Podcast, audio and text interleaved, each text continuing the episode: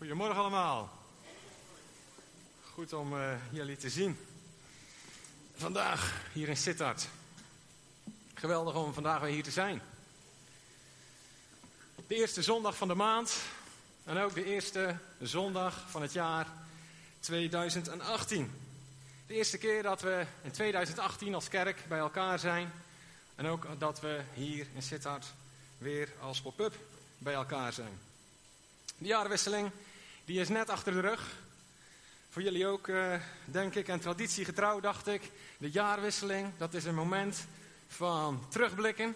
En het is een moment van vooruitkijken. Het is een moment van de balans opmaken. Als je ondernemer bent, dan sluit je letterlijk het jaar af en je maakt de balans op. De jaarwisseling, dat is een moment van reflectie. Een moment voor veel mensen van dromen over de toekomst. De jaarwisseling, dat is een moment in de tijd waarin ieder jaar opnieuw heel veel mensen opnieuw goede voornemens hebben. Inmiddels is het weer al 7 januari, dus ik denk dat de eerste voornemens weer al gesneuveld zijn. Ik was, afgelopen week was ik op mijn werk en uh, ik was aan het luisteren in de koffiekamer naar een, uh, een gesprek van mijn collega's. Ik heb een paar collega's, dat zijn fanatieke sporters en uh, die gaan al jarenlang een paar dagen in de week naar de sportschool. En ze waren aan het mopperen dat het zo druk was op de sportschool. Maar, zeiden ze, in januari is het altijd al veel minder druk. En in februari, dan is het weer gewoon de normale drukte. Dan kun je weer gewoon lekker rustig sporten. Dan zijn al die goede voornemens om trouw te gaan sporten, die zijn weer al gesneuveld. Tijdens de feestdagen, voor de een is dat een hele drukke tijd, voor de ander is dat een hele rustige tijd. Zelf had ik lekker een weekje vrij en heb ik veel tijd doorgebracht bij familie, bij vrienden, bij mijn gezin. En uh, ik was ook bij mijn schoonmoeder. Heb ik goede tijd gehad, heerlijke tijd, goed voor me gezorgd. Dus er komt nu geen schoonmoedergrap. En uh, daar lag een hele stapel met tijdschriften lag daar. En nou, daar heb je dan ook eens tijd om dat door te bladeren. En op een van die tijdschriften, op de kaft, daar stond een mooie, een mooie kreet. En daar stond heel groot, met grote letters, afscheid is ook een nieuw begin. En ik dacht, hé, hey, dat is een mooie titel voor mijn preek van vandaag. Want wij hebben afscheid genomen van 2017 en een begin, een nieuw begin gemaakt met het jaar 2018. Een nieuw begin.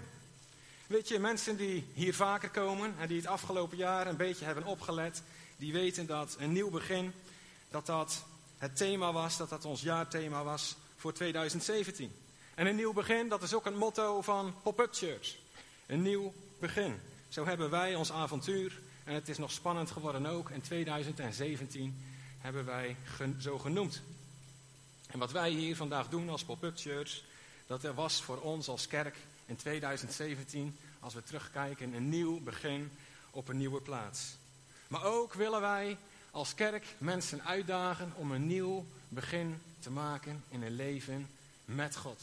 Dus niet leven zonder God, maar leven met God. En waarom vinden wij dat nou zo belangrijk?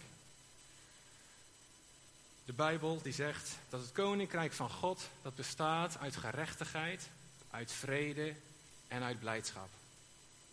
Ja, en dat leven, dat leven van, van vrede en van blijdschap, dat gunnen wij alle mensen. Dat goede nieuws, dat willen wij graag met iedereen delen. En het mooie is, bij God is er altijd genoeg voor iedereen. Weet je, toen ik aan het nadenken was over dat thema, een nieuw begin, toen moest ik ook denken aan Genesis. Natuurlijk, aan Genesis. De woorden Genesis die betekenen letterlijk in het begin. En dat begin, dat was eigenlijk ook een nieuw begin. Laten we die eerste drie versen uit Genesis samen lezen. Die staan ook achter mij. In het begin schiep God de hemel en de aarde. De aarde nu was woest en doods en duisternis lag over de oervloed. Maar Gods geest zweefde over het water. En God zei, er moet licht komen. En er was licht. Weet je, vandaag gaat het ook een beetje over geschiedenis. En als we deze versen lezen, deze versen die zijn het begin van onze geschiedenis. De geschiedenis van de mens. Wij noemen dat ook wel historie. En de Engelsen die noemen dat ook historie. En als je dat woord nou in tweeën hakt, dan heb je het woord story en het woord his. History, dat is het verhaal van de mens. Dat is de geschiedenis van de mens. Dat is datgene wat is geschied. Het is het verhaal van u, van mij en van jou. Samen schrijven wij geschiedenis. En als je nou voor dat woord historie nog het woordje pre zet, dan hebben we het over de prehistorie.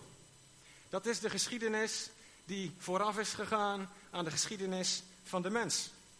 En over die geschiedenis, daar vertelt de Bijbel ons niet zoveel over. De informatie over de prehistorie die is blijkbaar niet zo belangrijk voor de boodschap die de Bijbel voor ons allemaal heeft. Wat we wel weten over die prehistorie is dat de Bijbel zegt, en dat hebben we net gelezen, dat het donker op deze aarde is, dat het doods op deze aarde uh, was.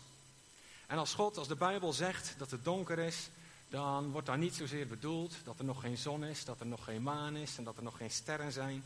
Maar dan wordt er bedoeld dat er iets mis is met deze aarde. Donkerheid staat in dit geval symbool voor chaos, voor wanorde en voor dood. Maar gelukkig komt er dan nog een nieuwe zin. Want dan staat er, maar Gods geest die zweefde over het water en God zei, er moet licht komen. Yes, en er was licht.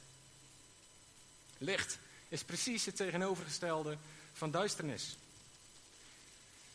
Licht die staat in tegenstelling tot duisternis niet voor chaos, maar staat voor orde. Staat niet voor dood, maar staat voor leven. En die twee, licht en duisternis, die staan op deze aarde al vanaf het begin staan die tegenover elkaar. En dat zorgt voor een spanningsveld. En in dat spanningsveld, dat spanningsveld van licht en duisternis, daar ben jij als mens geboren. In dat spanningsveld heeft God de mens geplaatst. En dat spanningsveld, dat was er al in Genesis. En dat spanningsveld, dat is er nog steeds vandaag de dag. Iedere keer opnieuw, als er een mens geboren wordt op deze aarde, Iedere keer opnieuw. Dan spreekt God als het ware. Er zij licht. En dan wordt er een nieuw lichtje geboren op deze aarde. Toen jij geboren werd, toen ging er een lichtje aan op deze aarde. Het is een beetje licht hier, maar achter mij zie je een plattegrond waar de lichtjes schijnen. Daar waar de meeste mensen zijn, daar schijnt het licht. En ieder mens dat op deze aarde wordt geboren, wordt geboren met een unieke bestemming. Op zijn of haar leven. En die unieke bestemming, die droom die God in jouw hart heeft gelegd, die mag jij gaan uitleven op deze aarde. En als je dat niet doet, dan mis je wat. En niet alleen jij, maar ook de mensen om jou heen. De mensen uit jouw omgeving. Als je dat niet doet, als je die droom niet uitleeft, dan mis je jouw doel. En dan gaat jouw leven voor een belangrijk deel verloren. En dat is zonde. Ieder mens heeft unieke gaven en heeft unieke talenten die hij mag gebruiken om het licht, dat is het plan en dat is het woord van God, te verspreiden over deze planeet Aarde. En een belangrijke vraag vandaag, als we dan vooruitkijken en misschien ook achterom kijken, dan als we aan het reflecteren zijn, dan is een belangrijke vraag, overwint nou het licht dat jij hebt gekregen, overwint dat nou de duisternis of overwint de duisternis die om ons heen is nou jouw licht? Gaan wij regeren over deze wereld? Gaan wij regeren over onze omstandigheden? Of gaan de omstandigheden, gaat de wereld regeren over ons? De mens die is op deze aarde gezet als een lichtdrager, als een ambassadeur, als een onderkoning van de hoogste koning van het heelal. Wij zijn hier op aarde met een doel. Wij zijn hier op aarde met een opdracht. Wij kregen een aanstelling, ja, van God zelf. Wauw, ons leven is niet zinloos. Ons leven, eh, er is een plan. En jouw bijdrage is daarbij nodig.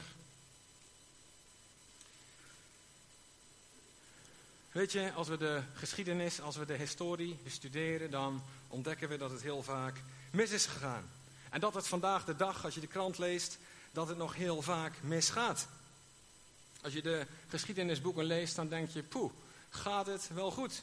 Komt het allemaal wel goed? En soms dan lijkt die duisternis, die lijkt aan de winnende hand.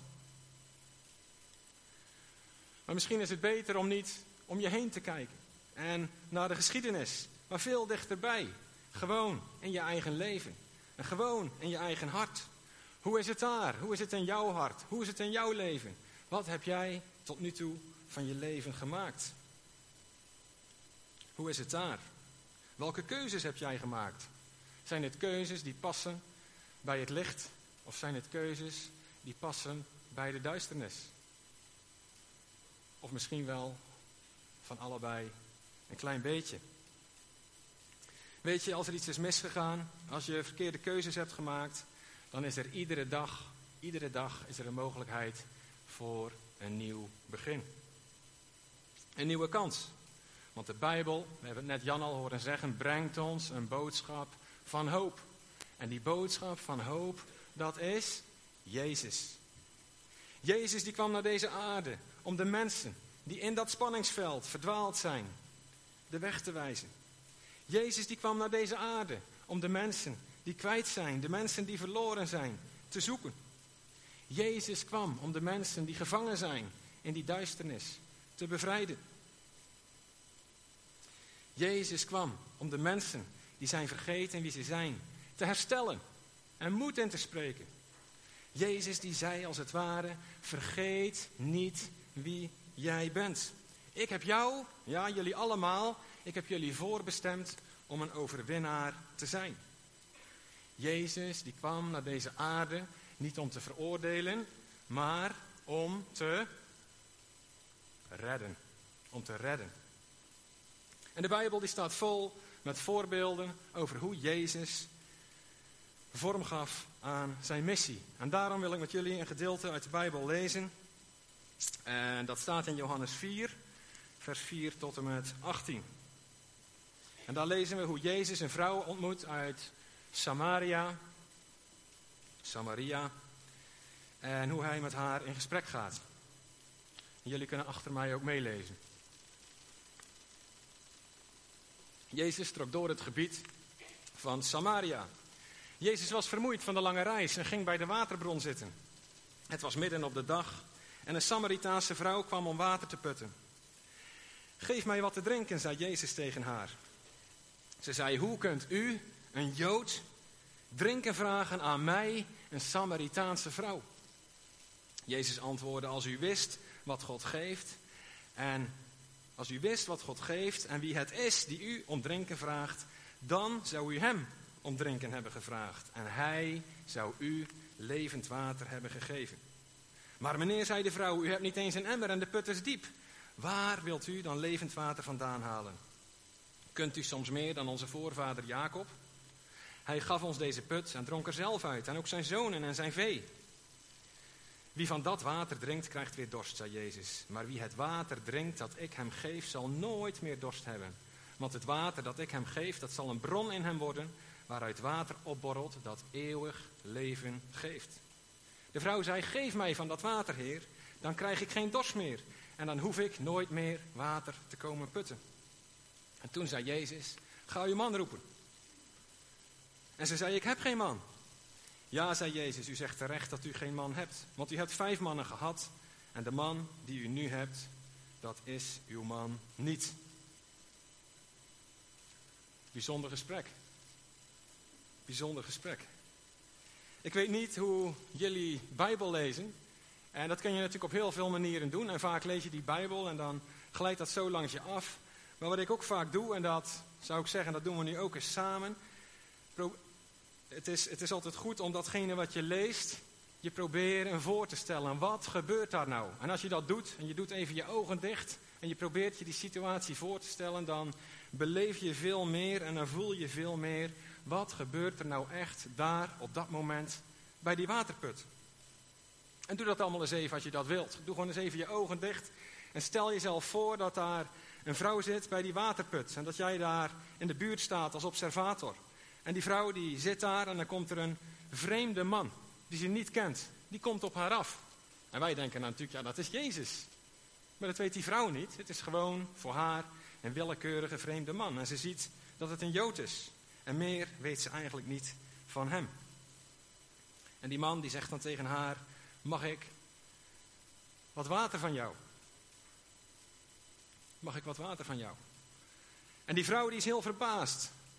En dat uit ze ook. Dan zegt ze: Hoe kan nou u, een Jood, water vragen aan mij, aan een Samaritaanse? Joden en Samaritanen, dat was haat en nijd. Dus het was heel bijzonder dat Jezus dat aan haar vroeg.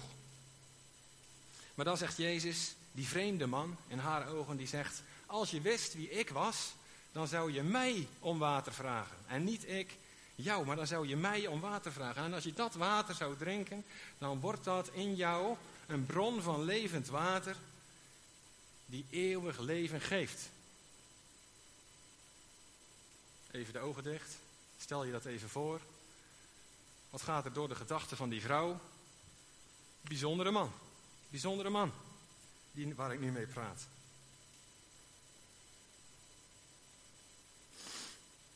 En dan zegt Jezus, dan neemt dat gesprek nog een hele rare wending. Dan, dan, dan, dan zegt Jezus, ik heb dat water voor jou. En dan zegt hij, haal mij, haal je man erbij. Ja, zegt ze, ik heb geen man. Nee, zegt Jezus, inderdaad. Je hebt geen man. Je hebt er vijf gehad en de man die je nu hebt, dat is jouw man niet. Bijzonder. Toen ik daarover aan het nadenken was, moest ik ook even denken aan een collega van mij. Die heel spiritueel is en die zegt ik ben helderhorend, ik ben helderziend en ik ben heldervoelend. En ik weet ook soms dingen over mensen die anderen niet weten. Ik denk, hoe zou zij nou dit verhaal lezen? Maar los daarvan, wat mij opvalt als ik zo in de Bijbel lees, dat Jezus steeds opnieuw, als hij in gesprek is met mensen, van het ene op het andere moment, zonder dat hij daar iets over aankondigt, gaat dat gesprek van een alledaags gesprek, gaat dat, wordt dat opeens een geestelijk gesprek. En dat is eigenlijk heel erg lastig te volgen. Ik kan me zo voorstellen dat die vrouw daar aan die put denkt, waar gaat dit heen? En als je, als je dit verhaal leest in de Bijbel als lezer, zoals ons, dan denk je, hè, waar gaat het naartoe? Wat, wat bedoelt Jezus nou? En Jezus doet dat steeds opnieuw. Je ziet daarin, je ziet in de Bijbel, zie je daar verschillende voorbeelden van. En zo is Jezus in gesprek met Nicodemus en Nicodemus heeft allerlei vragen over, over God en over de Bijbel. En dan opeens zegt Jezus, Nicodemus, je moet opnieuw geboren worden. En als je niet opnieuw geboren wordt, dan snap je, dan snap je, de, dan weet, dan snap je de antwoorden niet. En Nicodemus die zegt opnieuw geboren. Hoe kan nou een man terug in de buik van zijn moeder en weer tevoorschijn komen? Dat, dat is wat hij denkt. Dat is een natuurlijk gesprek en een natuurlijk antwoord. Of Jezus die wandelt door Jeruzalem en hij wandelt langs de tempel. De discipelen zijn om hem heen, de mensen zijn om hem heen. En opeens zegt Jezus dan, ik kan in drie dagen deze tempel afbreken en weer opbouwen.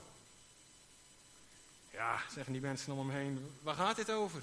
Weet je wel dat koning Salomo 40 of 46 jaar lang gebouwd heeft aan deze tempel met duizenden mensen om deze tempel op te trekken. En dan beweert u, dan beweert Jezus, ik zal die tempel in drie dagen weer opbouwen en afbreken. Maar Jezus die sprak over zijn lichaam. Dat drie dagen in het graf zou zijn, maar daarna weer op zou staan. Want dat is waar de tempel heen wees. En zo zie je keer op keer dat een natuurlijk gesprek opeens een wending krijgt die soms moeilijk te volgen is voor de toehoorders van Jezus. Maar voor Jezus was de natuurlijke wereld en de geestelijke wereld daaromheen, dat was één wereld. En zonder nadere aankondiging steekt Jezus steeds die grens over. En wordt het, ik heb maar gezegd, van een natuurlijk gesprek opeens een bovennatuurlijk gesprek. En dat is niet 1, 2, 3 altijd te pakken. En ook in dit gesprek met die Samaritaanse vrouw, daar schakelt Jezus over van gewoon natuurlijk levend water, schakelt Jezus over naar water dat stroomt uit je hart. Waar gaat dit over? Die Samaritaanse vrouw, die snapt het niet. Wat bedoelt Jezus met water uit je hart, met levend water uit je hart? Nou, dat staat een klein stukje verder in Johannes 7. Daar staat geschreven, ik lees het jullie voor. De schrift, dat is de Bijbel, die zegt over wie in mij gelooft, dat is wie in Jezus gelooft. Zijn hart zal een bron zijn waaruit stromen van levend water vloeien. En daarmee bedoelde Jezus de geest. Wie in hem geloofden, die zouden de Heilige Geest ontvangen. Dus Jezus zegt eigenlijk tegen die Samaritaanse vrouw, als je wist, voor die Samaritaanse vrouw was Jezus gewoon een vreemde man, maar hij zei tegen die Samaritaanse vrouw, als je wist wie ik was, dan zou je mij om de Heilige Geest vragen. En die zou ik jou geven. En die Heilige Geest, die zou in jouw hart, die zou in jouw binnenste, zou een stroom worden van levend water. En dat water zou ervoor zorgen dat je nooit meer dorst zal hebben. Jezus die schakelde tijdens dat gesprek over van een natuurlijke dorst, we hebben allemaal water nodig, naar een geestelijke dorst. We hebben ook allemaal geestelijke dorst. En dat heeft iedereen, dat, heb, dat, dat, dat hebben alle mensen. Alleen niet iedereen beseft dat. Als mens hebben wij allemaal ergens daar in ons hart, diep van binnen, hebben wij dat verlangen naar God. Hebben wij dat verlangen naar het bovennatuurlijke. Dat is hoe wij zijn gemaakt. De Bijbel die leert ons dat wij bestaan uit een lichaam, een ziel en een geest. En ik heb dat ooit eens eh, geïllustreerd met een ei. Als je naar een ei kijkt, dan kijk je naar de schaal. Dat is de buitenkant, dat is ons lichaam. Dat is wat jullie hier zien. En dan is er de ziel, die zie je niet. En diep van binnen, dat is de eierdooier, dat is het geel, om het jezelf voor te stellen, dat is onze geest. En die geest die is gemaakt, die geest die is ontworpen om te leven in relatie, om te leven in connectie met God. En als deze connectie er niet is, als deze connectie ontbreekt, dan voelen wij als mens, dan voelen wij ons incompleet. Dan ontbreekt er iets, wij missen iets. En als we ons dat bewust zijn, of vaak zijn we ons dat ook niet bewust, dan missen wij iets en dan gaan wij op zoek naar dat missende deel. Dan gaan wij op zoek naar dat missende onderdeel. En ik hoorde dat, Rijn hoorde ik dat ook al zeggen tijdens de kerstkerk. Twee weken terug hadden we hier een kerstdienst. En Rijn die zei, ieder mens heeft een gat in zijn ziel. Een stukje wat ontbreekt. En de vraag is dan, hoe ga je nou dat gat, dat missende deel, hoe ga je dat nou opvullen? Dat kan, en Jezus die noemt dat gat, die noemt dat geestelijke dorst. Geestelijke dorst. Er was eens iemand die zei, de mens die heeft honger en zie, daar is eten. De mens die heeft dorst en zie, daar is drinken. De mens die verlangt naar seks en er bestaat zoiets als seksualiteit. De mens die houdt van lachen en zie, er is humor. De mens die voelt een verlangen naar God en zie, Gods geest is daar. Gods geest is hier. Maar als wij Gods geest missen, als wij die niet kennen, dan zien wij heel erg vaak dat wij in deze natuurlijke wereld die dorst proberen te lessen. Dat wij met natuurlijke middelen tegemoet willen komen aan dat verlangen wat ergens diep in ons hart zit. Hoe vullen we dat gat op? En als wij dat willen doen met de dingen van deze wereld, de dingen die wij kunnen zien en voelen en horen en ruiken en ervaren, dan lukt dat niet. Zoals je honger niet kunt stillen met een glas water en je seksueel verlangen niet kan bevredigen met een lekkere maaltijd. Zo gaat een bovennatuurlijk verlangen van, naar God, dat gaat niet weg door een natuurlijk antwoord, door iets uit deze wereld. En dat natuurlijke antwoord dat wij zoeken, dat kan van alles zijn. Dat kan zijn in eten, dat kan zijn in drinken, dat kan zijn in onze baan, dat kan zijn in geld. En als wij ons hart daaraan geven, dan geeft dat soms een tijdelijke verlichting. Dan vergeten we even dat die honger die diep ergens in ons verborgen zit, dat die er is. Dan voelen wij dat we tijdelijk geen honger meer hebben en dan kunnen wij dat even vergeten. Maar je moet steeds terug. Als je, je moet steeds terug naar die bron. Je hebt steeds nieuwe, nieuw water nodig. En precies om deze reden stelt Jezus ook deze vraag aan die Samaritaanse vrouw. Want opeens uit het niets, in een gesprek van één minuut, stelt Jezus de vraag aan deze vrouw: haal dan uw man. En dan blijkt dat ze die niet heeft. Dan blijkt dat Jezus meer weet dan een normaal mens weet over deze vrouw. En sommige mensen die denken dan: kijk, dat is mooi wat hier gebeurt. Jezus die kwam naar deze aarde om het zondeprobleem op te lossen. En hier wijst hij deze vrouw op haar zonde.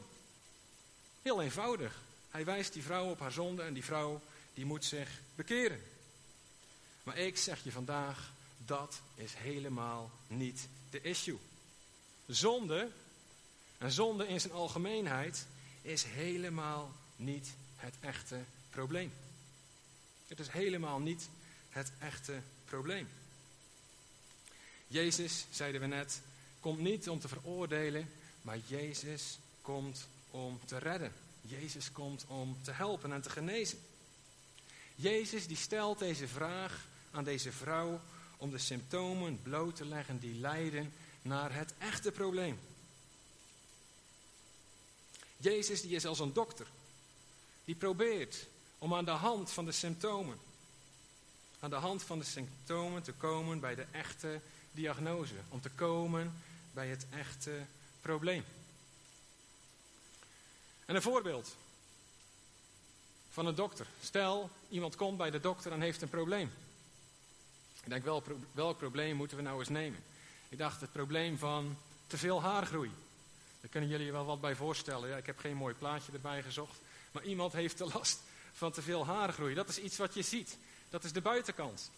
En dan kun je naar zo iemand kijken en dan kun je zeggen: hé, hey, dat is niet goed. Die haren die horen daar niet. Dat is fout. En hoe los je dan dat probleem op? Dan kun je natuurlijk het scheerapparaat pakken, zoals ik iedere morgen mijn zware baard scheer. En dan scheer ik al mijn haren af en dan is het probleem is opgelost. Maar de volgende dag dan word ik wakker en dan zijn die haren weer terug. In het geval van overmatige haargroei is het haar is het probleem. Maar dat haar is alleen maar een symptoom. Dat is niet het echte probleem. Als je het echte probleem op wil lossen, dan moet je niet alleen scheren, maar dan moet je kijken naar de hormoonhuishouding. Daar is iets mis. Dat is het echte probleem. En het gevolg van dat echte probleem is dat er te veel haar komt. Dat er te veel haar komt. En dat is ook de reden waarom Jezus deze vraag stelt aan deze vrouw.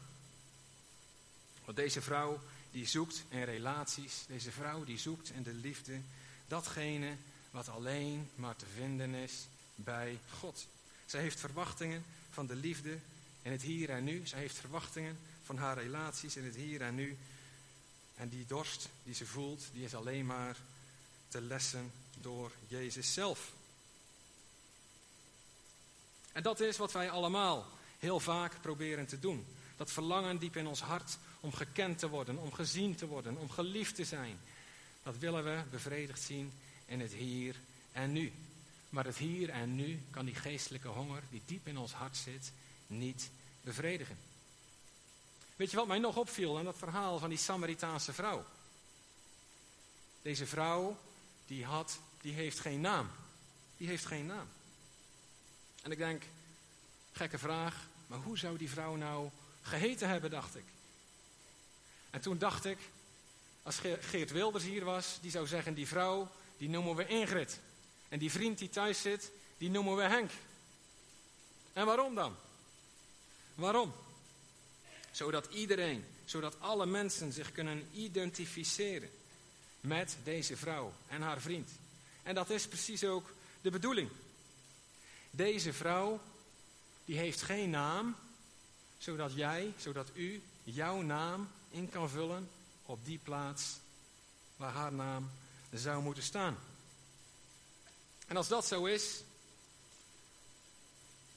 stel jezelf dan eens voor dat jij die vrouw zou zijn. Ook voor de mannen, dat jij in die positie zat. Dat Jezus een gesprek aan zou gaan met jou. Een vreemde man die op jou afkomt, dat is Jezus en die gaat een gesprek aan met jou. En ik vroeg me af, welk geheim zou Jezus nou onthullen in jouw leven als Jezus met jou sprak? En Jezus jou een vraag stelde, welk geheim zou dan naar boven komen? U denkt nu misschien ergens staan, maar weet je, het maakt helemaal niet uit. Want als Jezus dat gesprek met jou zou hebben, dan zou Jezus vandaag tegen jou zeggen: Luister, als je zou beseffen wie ik ben, als je zou beseffen wie ik ben, dan zou je mij vragen om dat levende water. En dat levende water, dat zou ik aan jou geven. En datgene waar je net aan dacht, dat was alleen maar een symptoom van het echte probleem. Het probleem dat je niet goed geconnect bent met God. Het probleem dat je niet goed geconnect bent met de geest van God. God die heeft zijn heilige geest, heeft hij beloofd aan iedereen. En dat zijn alle mensen die daar aan hem om vragen. In Hebreeën 3, dat is een boek uit de Bijbel, daar staat: Hoeveel te meer zal dan uw Vader in de hemel de Heilige Geest geven aan iedereen die hem daarom vraagt? Jezus, die wil onze geestelijke dorst, die wij allemaal hebben, die wil Jezus oplossen. Die wil Jezus, die dorst, die wil Jezus lessen. Iemand zei, onrustig is het hart, totdat het rust vindt in u. Wij zijn vaak onrustig, we zijn op zoek. We kijken om ons heen en we willen in de wereld om ons heen het antwoord vinden. Maar het, het antwoord is God, is de Heilige Geest. Weet je, deze Samaritaanse vrouw is een beeld, is een symbool van u, van mij en van jou. Van ons allemaal. Jezus die belooft dat als je de Heilige Geest hebt, dan zal je hart worden als een bron van levend water. Weet je, net zoals mensen daar in dat dorp, die waterput, al die mensen uit dat dorp, die kwamen naar die put om water te halen. En Jezus zegt, zo zal ook jij zo'n put worden waaruit levend water tevoorschijn komt. Weet je, als je vol bent van de Heilige Geest, dan komen stromen van levend water, die komen uit jouw binnenste. En die stromen van levend water, dat zijn woorden van leven. Dat zijn woorden die leven brengen, woorden die leven geven aan de mensen om jou heen.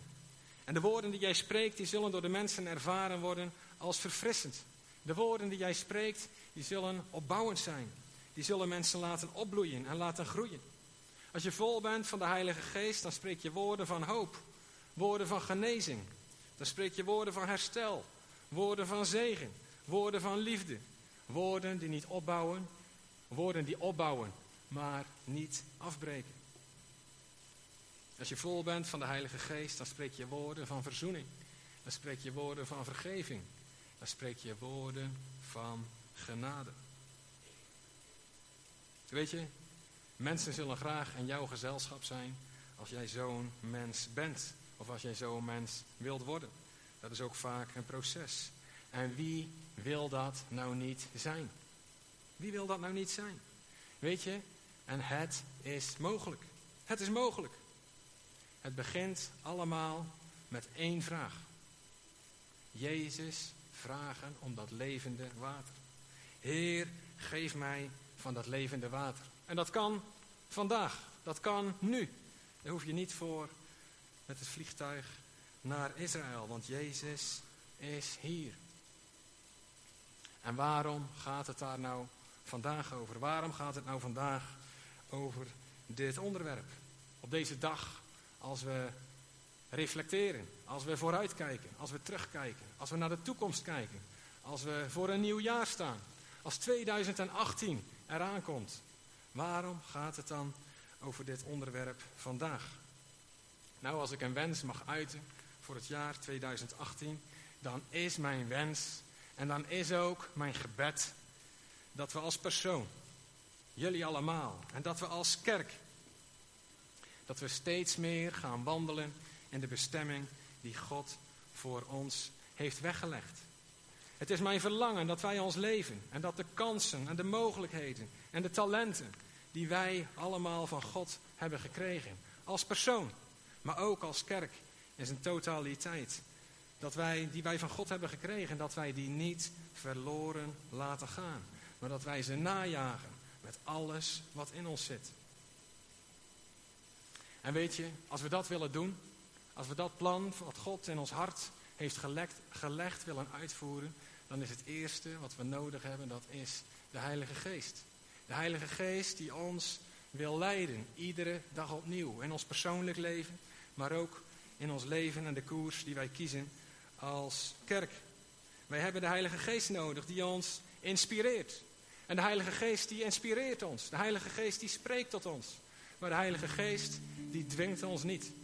De Heilige Geest, die dwingt ons niet. De Bijbel zegt dat de Heilige Geest een helper is. Een helper. En de doeners, dat zijn wij. Dat bent u. Dat zijn wij. God die schept kansen. God die schept mogelijkheden. En wij mogen die mogelijkheden benutten. En als we dat niet doen, als we dat niet doen, dan laten wij ons leven, of een belangrijk deel van ons leven, of dan laten wij het leven van de mensen om ons heen verloren gaan. En dat is jammer. Weet je, wij zijn hier op deze aarde als onderaannemers die in dienst staan van God. En dat is een groot voorrecht. En als ik dan vooruit kijk naar 2018, dan ben ik benieuwd. Wat gaan wij bouwen? Laten we ons inspireren. Gaan we vooruit. Laten we ons niet ontmoedigen. Want er is altijd, dat weten we, er is ook altijd wat tegenslag. Maar dat, als we verbonden zijn met Gods geest, dan kunnen wij dat aan. En daarom hebben wij allemaal de geest van God nodig. In ons eigen leven en in ons leven als kerk. Weet je, ik begon met, laten we allemaal gaan staan, dan gaan we langzaam afronden. Ik begon mijn, uh, mijn, mijn woord van vandaag met het verhaal uit Genesis. En daar lazen we dat de geest van God, ook dat was de Heilige Geest, dat hij zweefde over een wereld die doods was. Een wereld die woest was, waar chaos was. Soms kan het ook zo zijn dat in je hart een chaos is. Dat je denkt, weet je, er is zoveel sores in mijn leven en wat je nu allemaal zegt, dat gaat zo hoog en dat gaat zo ver. Ik sta nu hier en ik heb een groot probleem. Weet je, de core business van de Heilige Geest is om orde te scheppen in de chaos. Om leven te brengen daar waar dood is.